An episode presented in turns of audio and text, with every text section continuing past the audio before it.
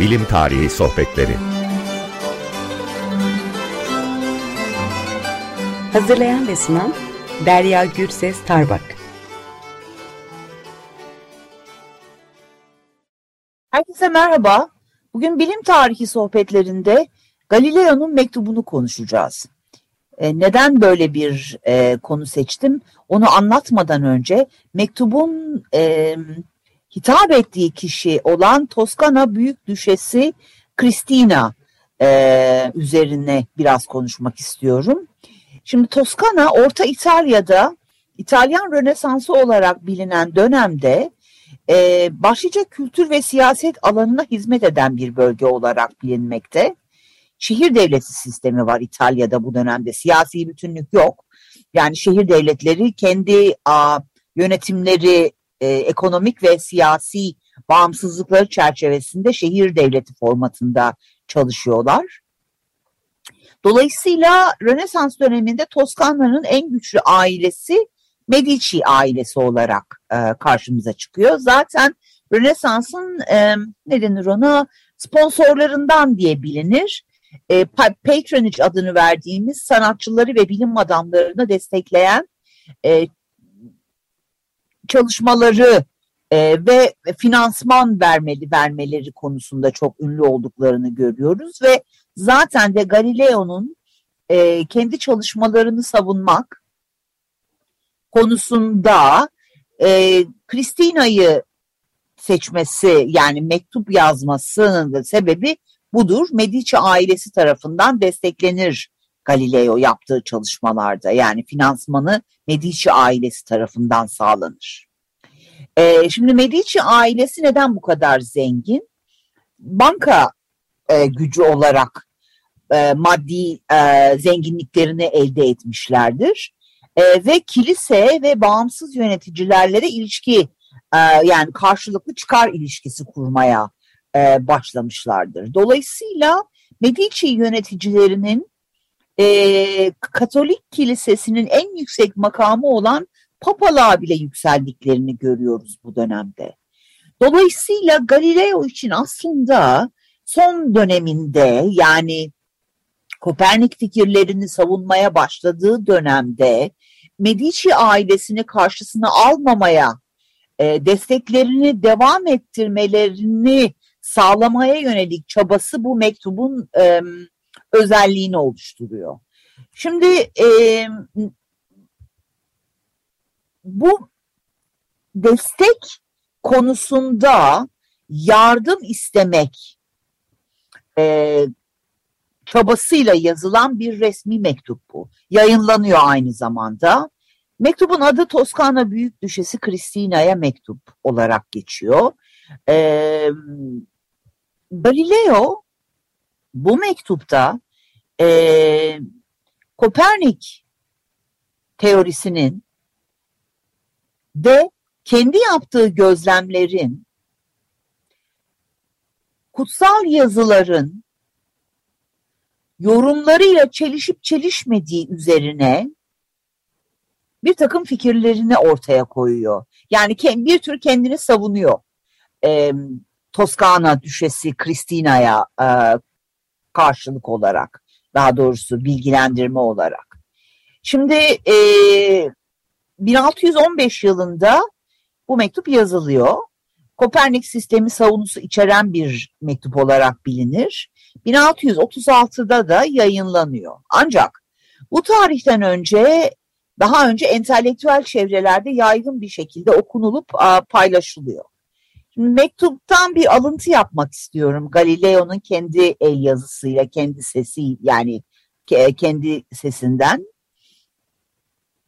Diyor ki Galileo birkaç yıl önce majestelerinin çok iyi bildiği gibi göklerde daha önce görülmemiş birçok şey keşfettim. Ee, akademik filozof, yani bunun sebebi olarak diyor Galileo, akademik filozoflar arasında e, yaygın olarak kabul edilen fiziksel kavramlar bir takım profesörleri bana karşı kışkırttı. Ee, ve ilginç bir şekilde şöyle bir yorumu var. Ee, bana gözlemlerim sonucunda elde ettiğim bilgilere sanki ben o e, gök cisimlerini ben yerleştirmişim gibi göğe davranılıyor. Dolayısıyla e, sadece bu anlamda Galileo dini çevrelerden değil, akademik çevrelerden de yani entelektüel çevrelerden de yaptığı gözlemlerden elde ettiği sonuçlar konusunda tepki aldığını ifade etmiş e, ne denir ona mektubunda.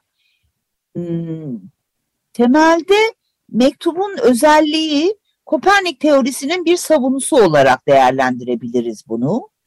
E, bir kaygı ifade ediyor biraz evvel söylediğim gibi Galileo. E, temel soru da şu. Nasıl olur da kilise fikirleriyle çelişen Kopernik teorisi kabul edilebilir? Ee, şimdi Galileo'nun bununla ilgili bir takım fikirleri var tabii ki. İlk e, söylemem gereken alıntı yine Galileo'nun mektubundan bir parça bu. Fizik sorularının diyor Galileo tartışmalarında kutsal kitapların otoritesinden değil duyusal deneyimlerden ve gerekli gözlemlerden başlamamız gerektiğini düşünüyorum. Şimdi bu ciddi bir e, sadece savunma değil bu aynı zamanda bir deklarasyonda. Dolayısıyla burada Galileo tam olarak nerede durduğunu yani İncil yorumlamalarının bilimsel çalışmalarda kendini nasıl konumlandırması ya da konumlandırmaması gerektiği konusunda açıkça bir duruş sergilediğini düşünüyorum ben bir a, bilim tarihçisi olarak. E, şimdi Galileo doğa bilgisiyle kutsal kitapların bilgisinin çelişmediğini ifade ediyor. Ama bunu mektupta çok ilginç bir şekilde Kristina'ya yazarken çok ilginç bir şekilde e, ifade ediyor e, nasıl bir çelişmemezlikten bahsettiğini şu şekilde açıklayacak. E, yani bir soru ile e, bunu e, değerlendirmeye çalışacak. Şimdi çelişmemelerinin sebebi acaba kıyaslanamaz oldukları için mi bu iki kategori? Ya da e, yoksa ikisi arasında zaten bir otorite sağlama sorunu yoktu belki de ya da birbirlerini tamamlayan bilme şekilleri idiler. Yani dini bir şekilde bir bilgi elde ediniyor olmanın ve e, doğa hakkında fikir yürütmenin ve aynı zamanda e, bir başka tarafta Galileo'nun yaptığı gibi gözlem üzerinden bilgi yürütmenin, bilgi üretmenin aslında birbiriyle çok çelişmediği üzerinden mi gitti Galileo? Şimdi bunun üzerine biraz kafa yoracağız. E, Galileo'nun bununla ilgili bir sözü var. Aa, Tanrı'nın önce doğa aracılığı ile bilindiği sonucuna varıyoruz. Sonra daha özel olarak doktrin ile. Ha bu oldukça ilginç. Yani bunun üzerine biraz kafa yormamız gerekecek. Ee, bu alıntı üzerine biraz daha konuşmak istiyorum ben ama önce bir müzik arası vermek istiyorum. Bugün seçtiğimiz müzik Simply Red'den geliyor bir konser kaydı. Stars adlı şarkısı. Ee, birazdan görüşmek üzere. Merhaba, e, geri geldik. E, şimdi bir, bu alıntıyı, biraz evvel söylediğim alıntıyı bir daha söylemek, bir daha açıklamak istiyorum. Diyor ki Galileo, Tanrı'nın önce doğa aracılığı ile bilindiği sonucuna varıyoruz. Sonra daha özel olarak doktrin ile. Ha bu bir e, açıklama değil aslında bu bir yine bir e, fikir beyan etme. E, zaten doğa çalışmaları yani Galileo dinsiz değil kesinlikle e, son derece ba dinine bağlı bir Hristiyan. Dolayısıyla zaten açıklamaya çalıştığı şey burada doğa çalışmalarının, bilimsel çalışmalarının e, aslında temelde e, tanrısal olarak var olan bir evreni anlamaya e, çalışmaya yönelik olduğunu söylüyor. Ama öncelikli olarak diyor Galileo yine tanrısal olan evreni anlamak istiyorsak gözlem yapmamız gerekiyor. Yani doğaya gitmemiz gerekiyor. sonra doktrinle ilgilenebiliriz e, yorumunu getiriyor. Şimdi bu, bu kısmı gerçekten e, ilginç. E, burada çünkü Galileo ilginç bir şey yapıyor. Yani bu yurt e, dışın yani Türkiye dışında çalışan e, uluslararası bilim tarihçileri bunun e, Galileo'nun aslında yargılanıyor olmasının sebeplerinden bir tanesinin e, dini otoriteye ne yapması gerektiğini söylemek cesaretini ve cüretini göstermiş olmasından e, kaynaklandığını e, söylüyorlar. Dolayısıyla e, sadece bilimsel değil aynı zamanda doktrinel de fikirlerini öne atıyor Galileo bunu yaparken. Galileo'yu bu türden argümanlar üretmeye iten motivasyon, Kopernik'in matematiksel olarak öne sürdüğü güneş merkezli evren teorisinin kilise doktrinine aykırı olacağı tartışmalarına son vermekti ve kendi gözlemlerinin de bu teorinin sağlanmasını yaptığı fikrini savunmaktı. Ancak burada dikkat edilmesi gereken şey, Galileo yazdığı bu mektupta sadece bunu yapmakla yetinmedi, aynı zamanda kendi çalışmalarının ve Kopernik teorisinin kutsal kitap ile çelişmediği argümanını da savundu. Yani bunu yaparak bir bakıma aslında İncil'i değil ama onu yorumlayan kiliseyi hedef aldığını ve bu şekilde bir teolojik argüman üretmek, istediğini söylemek mümkündür ki bu tavrı en az Kopernik teorisi savunusu kadar tepki çekecektir. Yani bu kiliseyi tepki a, gösterme konusunda e, zorlayan unsurlardan bir tanesi olarak karşımıza çıkacaktır. Galileo mektubunda entelektüel çevrelerin tepkisini çektiğinin farkında olduğunu ifade ederek yaptığı gözlemlerin ve vardığı bulguların pek çok açıdan yenilikçi olduğunu bildiğini ifade ediyor. Ee, şimdi burada belirtmemiz gereken unsur Galileo'nun yaptığı gözlemlerin Kopernik'in aslında matematiksel olarak ağırlıklı olarak Kopernik gözlemsel bir astronom değildi. E, matematiksel hesaplama yoluyla e, güneş merkezli evren teorisi üzerine e, bir argüman ürettiğini biliyoruz. Galileo'nun yaptığı şey bunun üzerine gözlemsel bir kanıt dizgesi sunmak olarak karşımıza çıkabilir. Dolayısıyla e, burada ikisi arasında bir bütün bütüncül bir e, ilişki, e, ikisinin çalışmaları arasında bütüncül bir ilişki, birbirini tamamlayıcı bir ilişki olduğunu söylememiz mümkün. Galileo şöyle bir argüman daha ortaya atıyor. E, bu da yine kilise ile e, sorunları konusunda bize açıklayıcı olabilir. Diyor ki Kopernik asla din veya inanç konularını tartışmamıştır.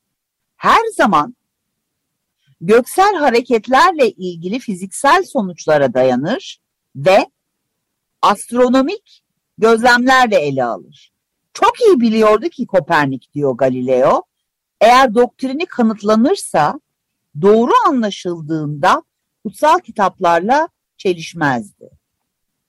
Burası gerçekten ilginç çünkü iki adım atıyor burada Galileo bence. Hem kutsal kitapların bilimsel bulgular söz konusu olduğunda nasıl yorumlanması gerektiğine yönelik tavsiyelerde bulunuyor. Hem de doğru türden bir yorumlamada bir çelişki ya da bir çatışma olmayacağı fikrini ortaya atıyor. Galileo'nun bu yaklaşımı hakkında bilim ve din tarihçileri uzun süredir tartışıyorlar. Yani bu aslında Galileo'nun bilim ve din çelişkisine e, çelişkisi argümanına e, ne denir ona bir zemin yaratan e, hikayesi hala e, sıcak bir tartışma konusu çözümlenmiş değil. E, şimdi bir ihtimal olduğunu düşünüyorum ben bu tartışmada. O da şu. Şimdi bunu dillendirmek istiyorum. Galileo böyle yaparak yani doğayı inceleyerek ve İncil'i okuyarak gerçeği bilmenin iki farklı yolu olasılığını öne sürdü. Benzeri sorular, iki farklı yol.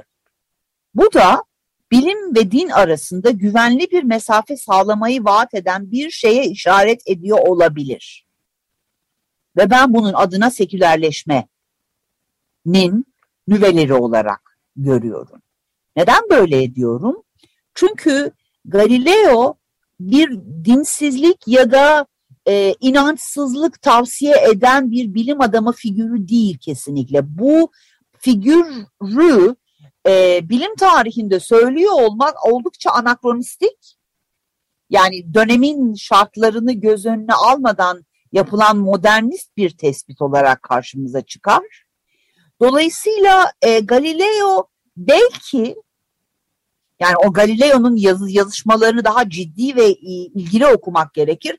Belki kilisenin yorumlaması ile ilgili çok muhtemel bir problem var kafasında ama dinsizlik ya da inançsızlıkla ilgili bir problem yok. Yani dünyayı anlama, tanrısal evreni anlama konusunda yine e, doğayla ilgilendiğin kadar dinle de ilgilenebilirsin. Yani İncil'i de okuyabilirsin. Ama ikisinin yolları ayrı demeye getiriyor. Bu, bunun üzerine biraz daha düşünmeyi e, ben aslında e, sağlıklı bir egzersiz olarak görüyorum. Beni dinlediğiniz için teşekkür ediyorum. Herkese iyi bir gün diliyorum.